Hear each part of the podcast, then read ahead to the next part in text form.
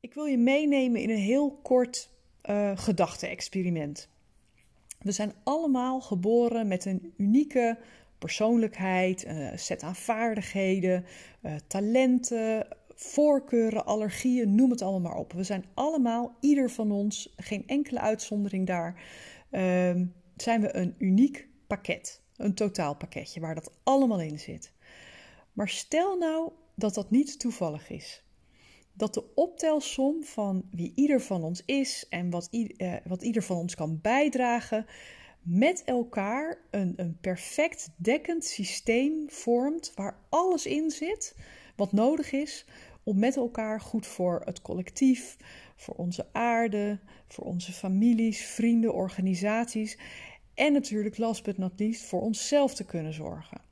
Ga er even vanuit voor nu dat dat een soort masterplan is. En dat jij heel goed bent in, uh, nou laat ik iets, iets willekeurigs noemen, in het creëren van teams. Hè? Mensen bij elkaar brengen, gezamenlijk aan een, aan een hoger doel laten werken, ze motiveren, ze in beweging brengen, in iedereen potentieel zien, dat soort dingen.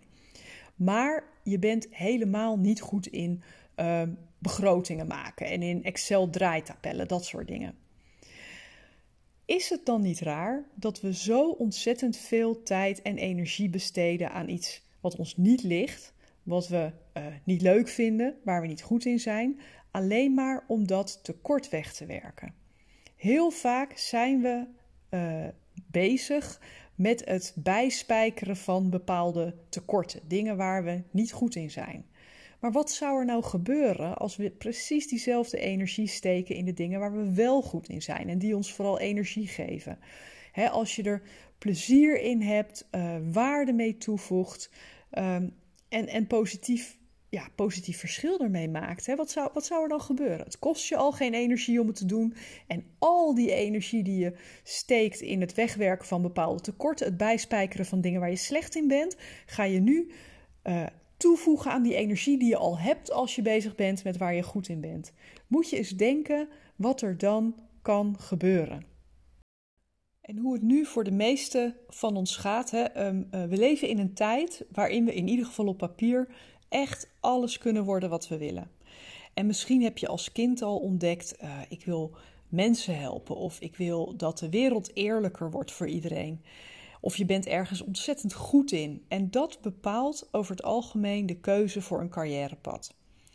En vervolgens kom je in een aantal uh, gestructureerde, vooruitgestippelde paden terecht om verder te komen. Je kan bijvoorbeeld advocaat worden, of maatschappelijk werker, of dokter of boekhouder.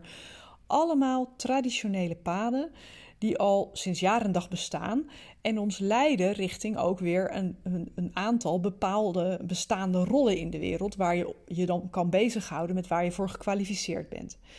En die paden, die, die, die zijn niet nieuw, die zijn al heel oud. Die hebben misschien onze ouders al gevolgd, maar ook onze vrienden, onze peers. En als we eenmaal dat pad hebben bewandeld, dan komen we in een rol terecht waarin we vooral proberen om daarbinnen zo goed mogelijk te worden in wat we doen. Nou, kijk ik naar de mensen die in mijn programma's zitten, dan zie ik heel vaak dat uh, die rol bij veel mensen op een gegeven moment, en soms echt pas na jaren, toch niet helemaal vervullend blijkt te zijn. En als we dan een paar keer een andere functie of een andere organisatie hebben geprobeerd, of een bijscholing of een nieuwe rol, en het is het elke keer net niet, dan komt er een moment dat je een keuze hebt van ga je accepteren dat dit is wat het is? Of ga je het aan en ga je de reis naar binnen maken om te ontdekken wat er echt vanuit je kern naar buiten wil komen? En wat ik dan hoor in dat soort gesprekken is dat uh, mensen zich niet vervuld voelen. er is geen vervulling, er is geen erkenning. Heel veel, van ons voelen een sterke impuls om onze talenten uit te kunnen drukken, om, ze echt in de wereld te zetten. Maar uh, dat is niet alleen een verlangen om bij te dragen aan de organisaties waar we voor werken, maar ook om onze volle potentie te ontdekken en ons maximaal te ontplooien. En in heel veel van mijn coachgesprekken komt daarbij ook nog het, ja, het smachten naar positief verschil maken. Hè? Mensen beïnvloeden, impact hebben, verschil maken. Je stempel op de wereld drukken en hem mooier achterlaten dan dat je hem hebt aangetroffen. En vervulling betekent voor uh, de meeste mensen niet alleen dat je je gift, hè, je, je gaven kan uitdrukken in wat je doet, maar ook dat je kan zien dat die gave ontvangen wordt. Dat je kan zien wat het positieve effect van de bijdrage is. Het, het gevoel van vervulling komt vooral voort uit uh, nou ja, het kunnen waarnemen dat, dat je omgeving, je collega's, je klanten, je teamleden um, ook echt die waarde zien van wat jij te brengen hebt. En dat is wat we heel vaak missen als we een tijd lang in een bepaalde rol hebben gezeten. Er is een heel boeiend boek van Gay Hendricks, uh, The Big Leap heet dat. En die beschrijft een aantal zones van waaruit je kan functioneren.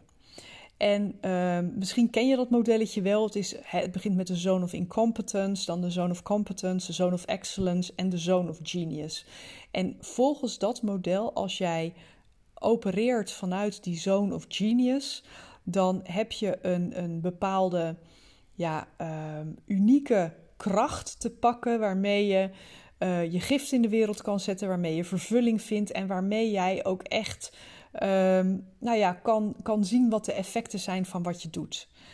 En misschien is het wel aardig om er even een paar van die zones uit te pakken, zodat je een beetje een beeld krijgt. Je zone of incompetence, hè, je incompetentiezone, die, die spreekt wel een beetje voor zich. Dingen waar je geen talent voor hebt, geen interesse in hebt, uh, vaak is die heel makkelijk te beantwoorden. Als ik kijk naar mezelf, uh, in mijn incompetentiezone zitten uh, onder andere strijken en fietsbanden plakken. Ik ben er niet goed in, ik vind het niet leuk en ik heb ook geen enkel verlangen om daarin te gaan investeren om daar beter in te worden.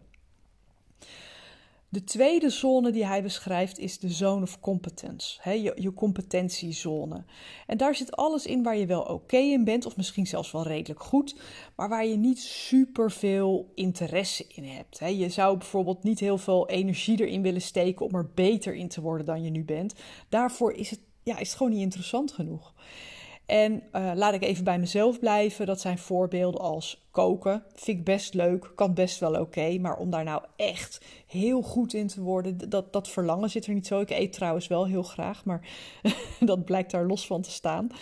Um, mijn website updaten, uh, stukken redigeren, dat zijn allemaal dingen uh, waar ik competent in ben, maar waar ik nou niet van denk van jeetje, daar zou ik heel veel tijd in willen steken om er nog beter in, uh, in te worden of om, om daar nog meer mee te gaan doen. En dan komt de derde zone, dat is je zone of excellence. Hè? En dat is vaak bekend terrein voor ons. Dat zijn namelijk de dingen waar je goed in bent, waar je voor opgeleid bent en waar je ook in je werk vaak uh, voor betaald wordt. Hè? Je wordt betaald voor de waarde die je levert door de inzet van die kennis en van die deskundigheid. Je doet dus waar je goed in bent, waar je voor betaald wordt. En als je dat een tijdje doet, dan kan dat ook een beetje op de automaat gaan. Hè? Dan raakt het een beetje ingesleten. En uh, Gay Hendricks noemt dat in, in het boek ook wel een gevaarlijke zone. Want ja, het is comfortabel, maar het heeft ook het gevaar in zich dat we daar al onze tijd gaan doorbrengen. En daarmee stomp je een beetje af. Je raakt in een cadans, je raakt in een sleur. En je voelt die sluimerende onvrede waar ik uh, het eerder over had, uh, omdat je nooit je volle potentieel ontdekt, laat staan dat je hem benut. En kijk ik naar mijn eigen zone of excellence, dan is dat uh, verandermanagement, het is trainingen geven, het is coachen, uh, strategisch adviseren, dat soort dingen. Het gaat me goed af. Ik vind het ontzettend leuk om te doen. Maar pas als ik daar mijn essentie helemaal in tot uitdrukking kan brengen, dan kom ik in mijn zone of genius. En uh, die zone die wordt in het boek van, van Hendricks eigenlijk heel praktisch beschreven als actie. Hè, wat kun je doen? Wat kun je, hè, welke actie uh, kun je doen om, uh, uh, om, om, om daarin te komen, zeg maar. Hè? Dus wat kan je wat niemand anders kan? Of wat gaat je zo moeiteloos af dat je niet eens doorhebt dat je het doet? Maar, en daar wil ik altijd een beetje een, nuance in plaatsen, als je op die manier gaat kijken, dan beperk je je blikveld echt tot de wereld van doen en dan sla je die diepere stap, hè, het, het, ontologische beeld, ook wel het zijnsbeeld, dat sla je over. En dat is het beeld dat gaat over wie ben jij? Wie ben jij? Wat is jouw persoonlijkheid? Welke unieke energie breng jij mee in alle situaties van je leven?